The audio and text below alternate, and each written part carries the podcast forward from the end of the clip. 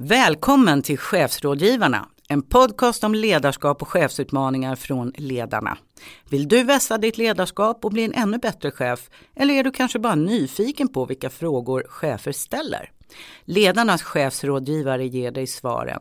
Om du har en fråga till våra chefsrådgivare så skicka in den till chefsradgivarna.ledarna.se. Jag heter Anki Udd och är ledarskapsutvecklare på Ledarna. Det här är Chefsrådgivarna.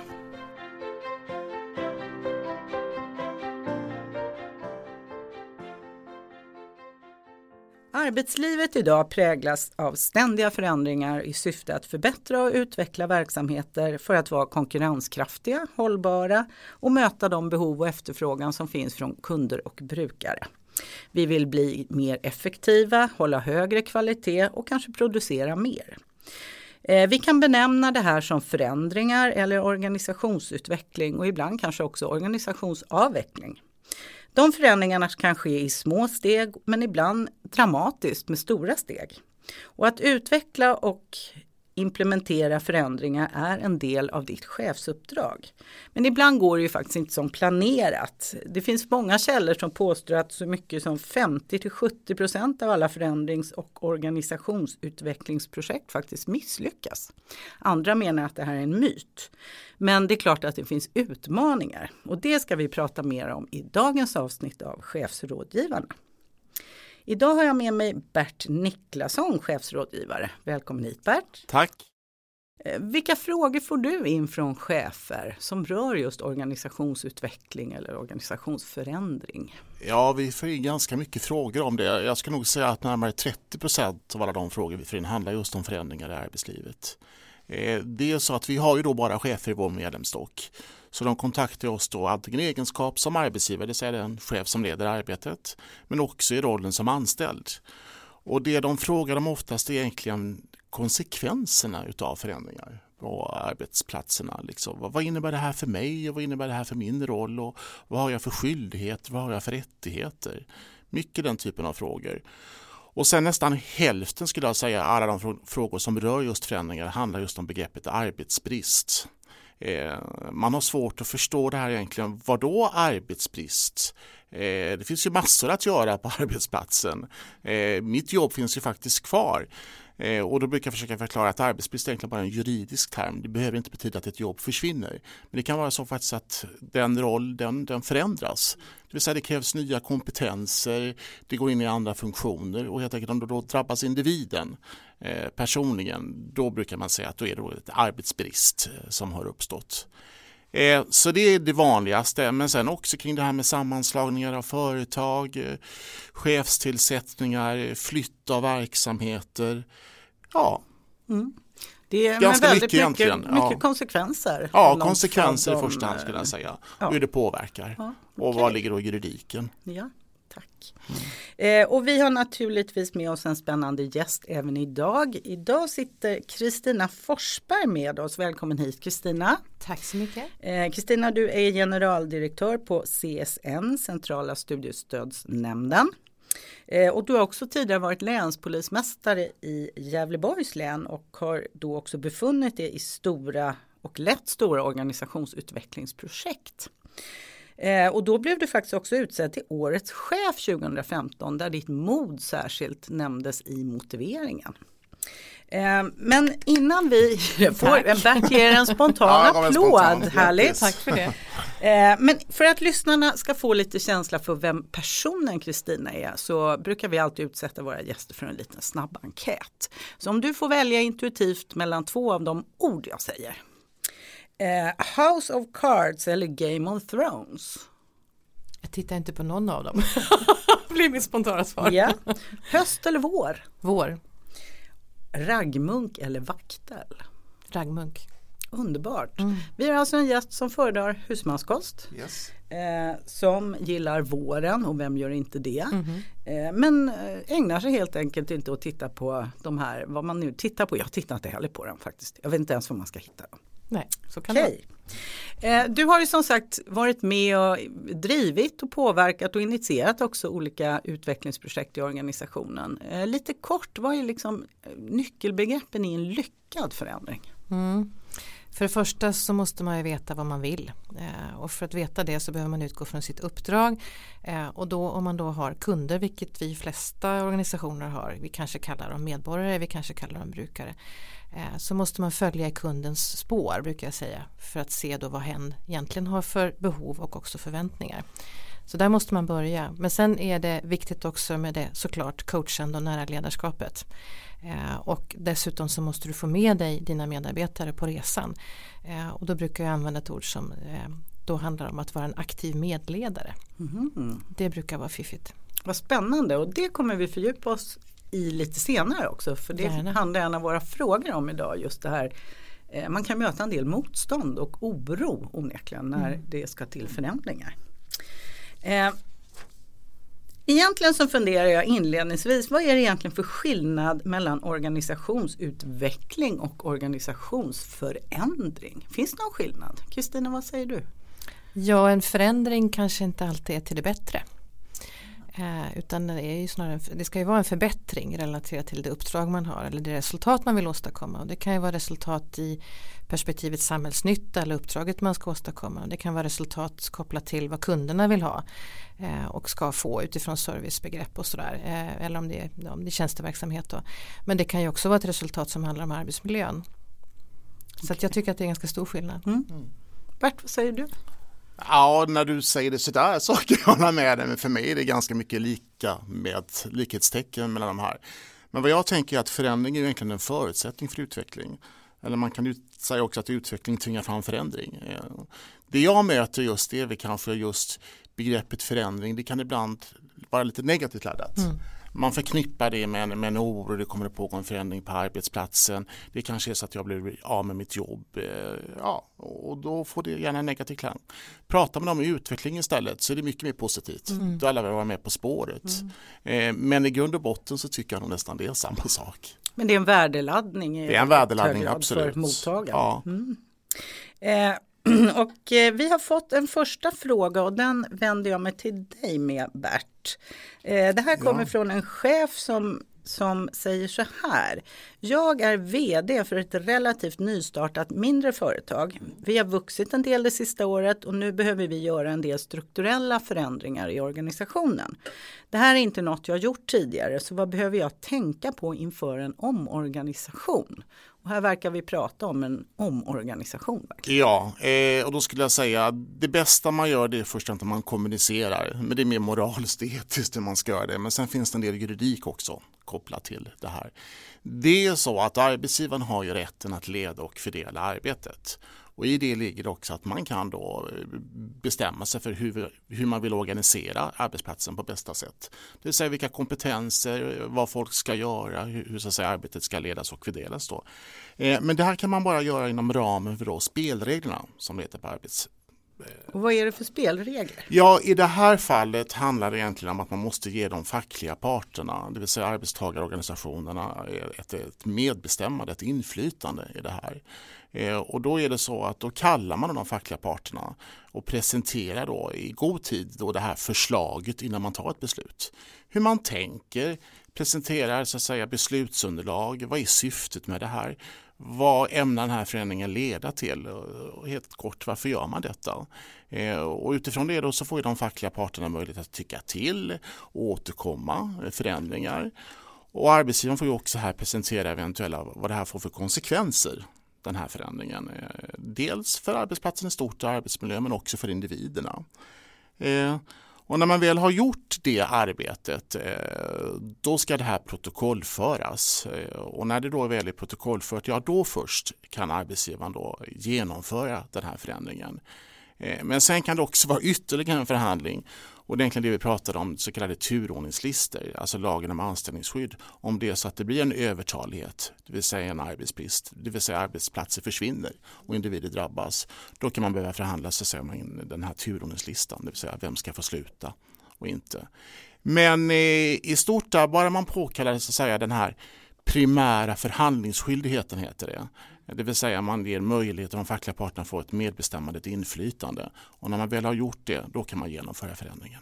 Okay. Och man behöver inte vara överens heller. Så, det är arbetsgivarens rätt. Så klara besked till den här vdn. Eh, se till att eh, göra fullgöra sina skyldigheter. Ja, och kommunicera givetvis. Ja, med de anställda på arbetsplatsen. Och precis som Kristina var inne på tidigare, var tydlig med syftet. Vad vill vi uppnå med det här naturligtvis? Eh, det är ju inte ovanligt att förändringar och utveckling eh, skapar en viss oro på arbetsplatser. Eh, även om det här syftar till något positivt i förlängningen. Eh, men vi vet ju vad vi har men inte vad vi får och det är bara att gå till sig själv så kan man ju bli lite så, åh vad ska det här bli, lite osäkerhet. Eh, och jag tänkte rikta nästa fråga till dig Kristina. Vi har fått en fråga som handlar just om hur man som chef bäst kan hantera den här oron och ibland också öppet motstånd när man försöker genomföra och implementera någonting nytt. Vad har du för tips och råd? Du Bert var ju inne på det alldeles nyss, det vill säga kommunikationen är ju jätteviktig och jag tror inte man kan kommunicera för mycket. Eh, utan tvärtom så gäller det att förstå eh, dels kommunicera varför vi ska göra det här och vad vi vill uppnå med det. Eh, så att vi åtminstone är överens om det och har samma bild och samma förståelse. Sen behöver vi inte ha acceptans för, från alla i, i den frågan. Det, det, har jag stor respekt för. Men sen kommer det, därför jag pratar om det nära ledarskapet. Därför att där behöver då den närmaste chefen och även jag som högsta chefen hjälpas åt i att kommunicera vad är det vi vill åstadkomma, hur ska det gå till och vad betyder det här för just mig som idag har den här arbetsuppgiften men som kanske ska få ett förändrat arbetsinnehåll om det är en del av förslaget. Um, och där, där kräver ju då det nära ledarskapet kräver ju också att jag inte har för många medarbetare så att jag inte hinner lära känna mina medarbetare. Um, för vi har alla olika drivkrafter om en av mina drivkrafter inte alls möts av den här förändringen det är klart att jag blir förvirrad. Mm. Och så börjar jag fantisera och spekulera, vi är väldigt duktiga på det vi människor. Eh, och, och målar upp bilder av hur det här kommer att bli. Så här behöver det nära ledarskapet finnas på plats. Och jag som högsta chef ska ju såklart docka i det här. Eh, jag gör det här i, i, min vardag kan man säga genom att jag bloggar internt i, i myndigheten CSN. Eh, jag finns i sociala medier. Jag träffar mina närmaste chefer, eh, avdelningschefen i det här fallet, i ledningsgruppen. Jag träffar dem individuellt i avstämningar.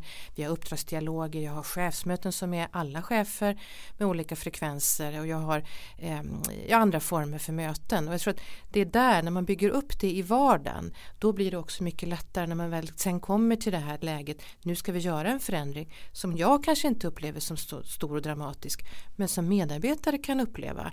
Och då har jag stor respekt för det också. Och är det öppet motstånd, ja då måste jag ju möta det såklart och inte vara rädd för det. Eh, jag brukar säga, vad är det värsta som kan hända? Eh, och när jag svarar på den frågan så blir det inte så mycket konstigheter i svaren. Eh, så då tar jag håll på den fantasibubblan också. Så att möta det, så att vi skapar en bild och sen ibland behöver man ju som du var inne på Bert mm. använda sig av juridiken också mm. som en del i att komma framåt. Mm. Så mycket kommunicera, ja. hellre för mycket än för lite. Ja. Det är vi överens om. Eh, nära ledarskap, ja. eh, att kunna ha relation till varje medarbetare eller chef beroende mm. på var du befinner dig i organisationen. Mm.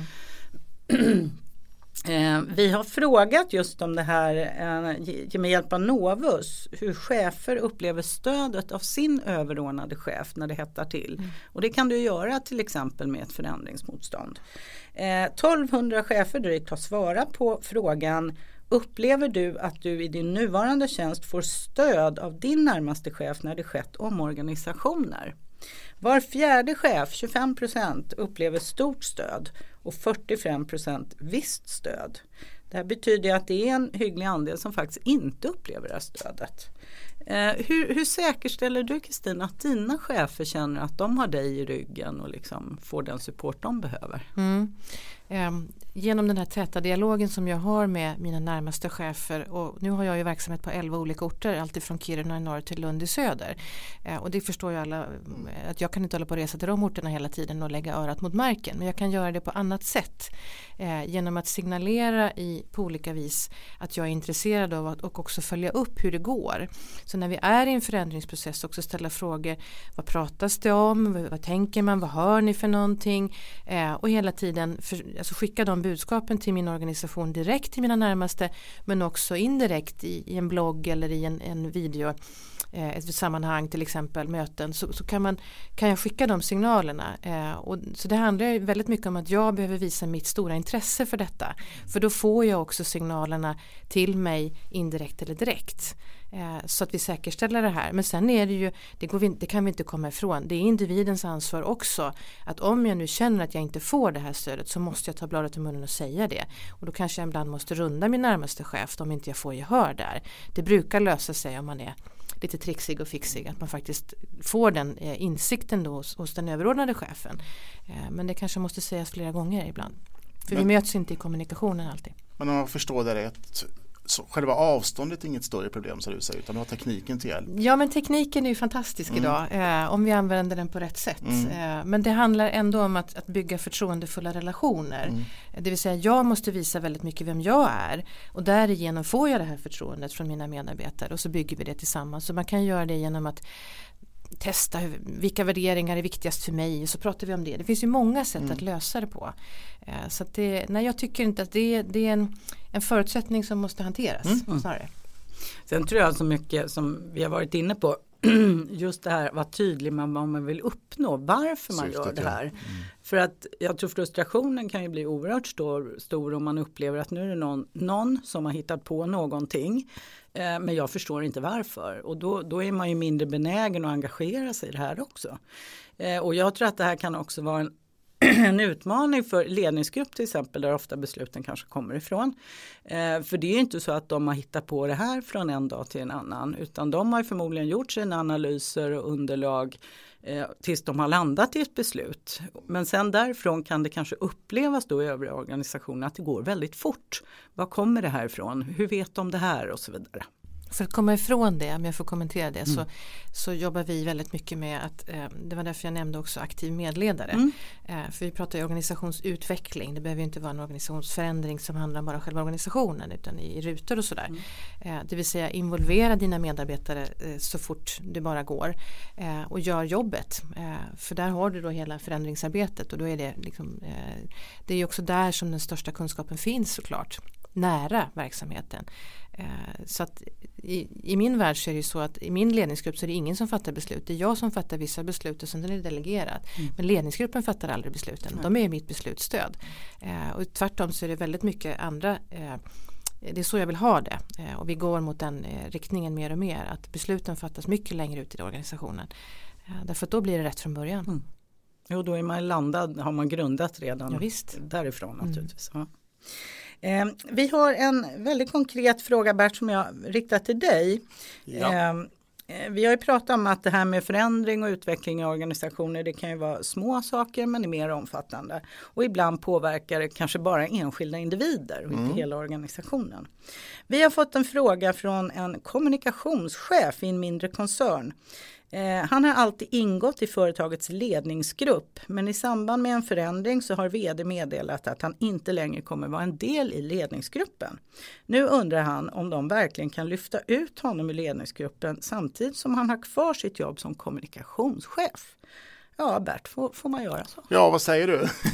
Det får man. Eh, ja, skulle jag säga det, det får man. Eh, jag brukar säga att det är ingen självklar rättighet att sitta i en ledningsgrupp man är i grund och botten inte anställd att sitta i ledningsgrupp utan i det här fallet så förstår jag var en kommunikationschef eh, och det är ju det som är det primära jobbet för den här individen. Sen att man råkar hamna så att säga i en ledningsgrupp det är utifrån att vara eh, vd eh, vill och önskar och behöver den kompetensen här och nu. För i en ledningsgrupp så ansvarar man för bolaget som helhet. Eh, och inte alla gånger representeras så att säga, eh, i det här fallet då kommunikation igen. Eh, så svar på den frågan är ja, man kan plocka ur det ur ledningsgruppen, det är ingen rättighet. Men givetvis måste man förstå syftet och kommunicera. Och det är så att en VD kan ju lägga om strategin i bolaget och då kan det behövas andra kompetenser in i en ledningsgrupp. Så det måste vara ett levande. Mm. Alltså sker utveckling och förändring hela tiden.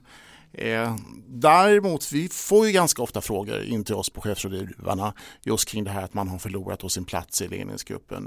Eh, men jag tror det där handlar väldigt mycket om man, man kopplar ledningsgrupp med makt, prestige, status, mm. pondus och jag tror att fallet blir så mycket tyngre för den som sitter i ledningsgruppen som så att säga egentligen förlorar inte sina arbetsuppgifter utan man liksom förlorar bara platsen i den gruppen. Man har ju kvar sitt jobb.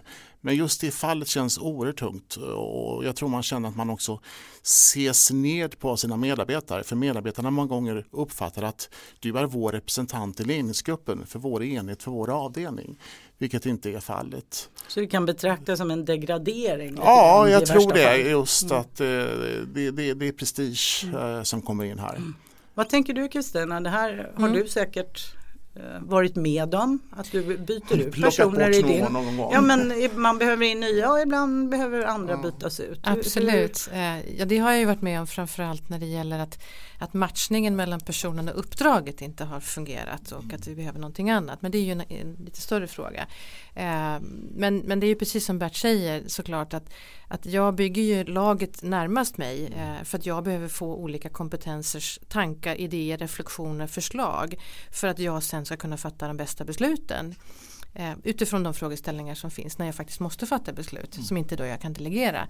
Så det är ju så jag bygger den här, eh, det är det, det, primära syftet men det andra syftet med ledningsgruppen är ju också eh, eh, det här att, att, när vi pratar om det här så kan man sen gå tillbaka till sin del av organisationen och kommunicera det här vidare och förstärka och hämta in synpunkter eller vad det nu kan vara för någonting.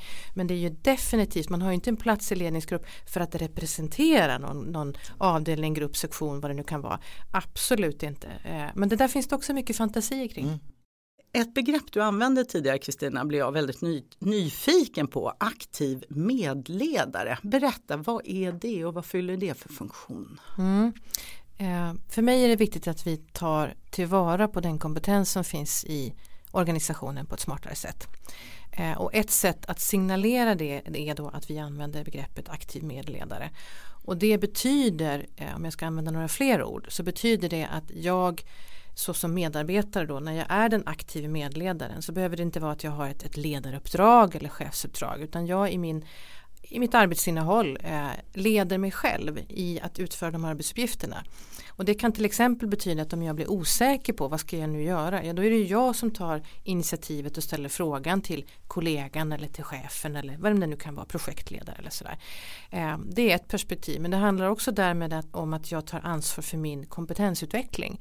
Om jag nu känner att nej men för att jag ska kunna göra de här grejerna, kanske på kort eller lång sikt, så behöver jag förstärka mig i kompetens. Eh, jag kanske behöver behöver gå och jobba med Bert tillsammans eh, för du har en annan kompetens eller gå den här utbildningen eller vara med i ett nätverk eller vad det nu kan vara.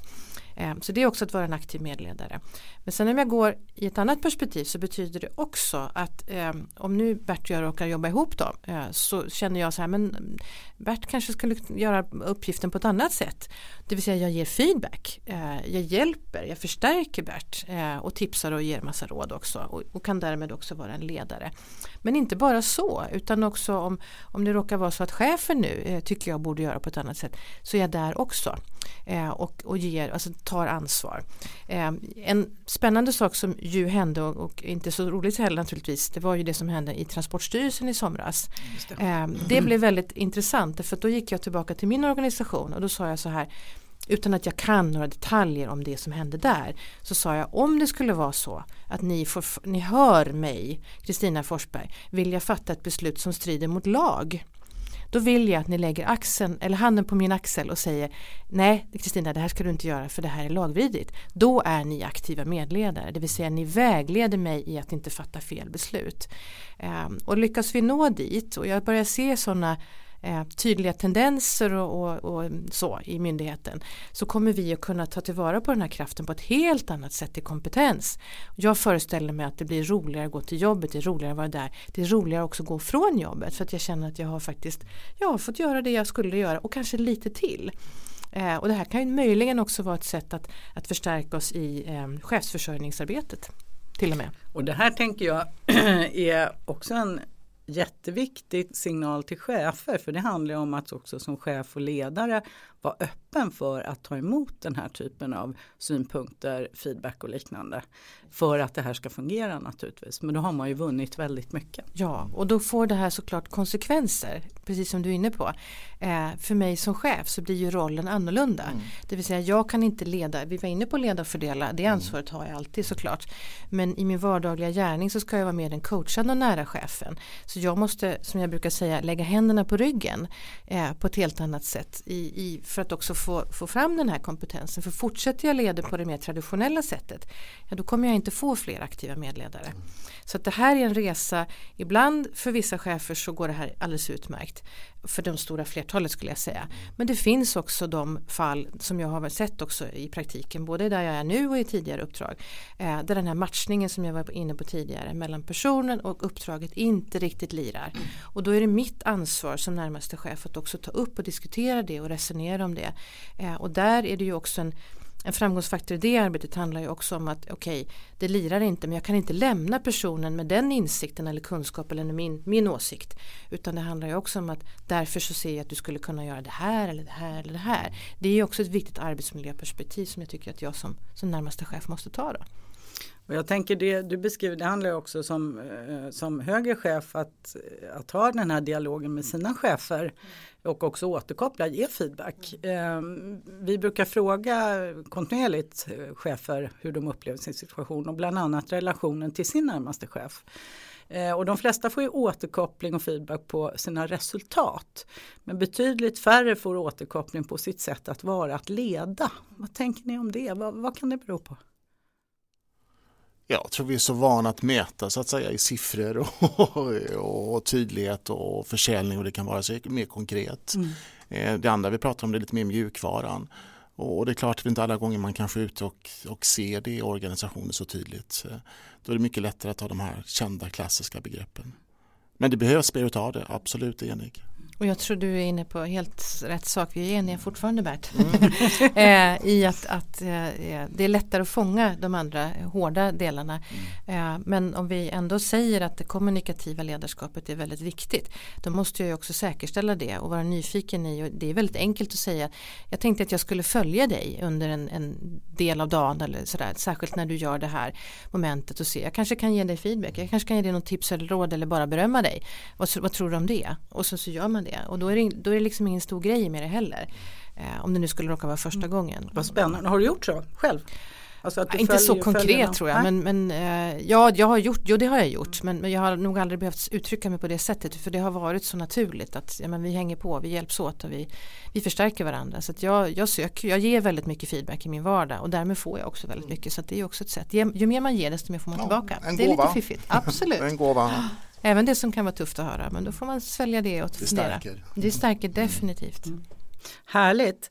Eh, det här avsnittet handlar om just det, förändringar och utveckling i organisationen som ju vi behöver göra kontinuerligt. Eh, och så landar vi i vikten av ledarskap. Och det är ju ingen slump naturligtvis för självklart är ledarskapet viktigt och medledarskapet mm. precis som Kristina är inne på. Eh, jag vill tacka er för era kloka insikter och synpunkter idag och uppmana våra lyssnare att skicka in sina frågor till oss på chefsrådgivarna ledarna.se. Och stort tack för att ni medverkade här idag. Tack så tack. mycket.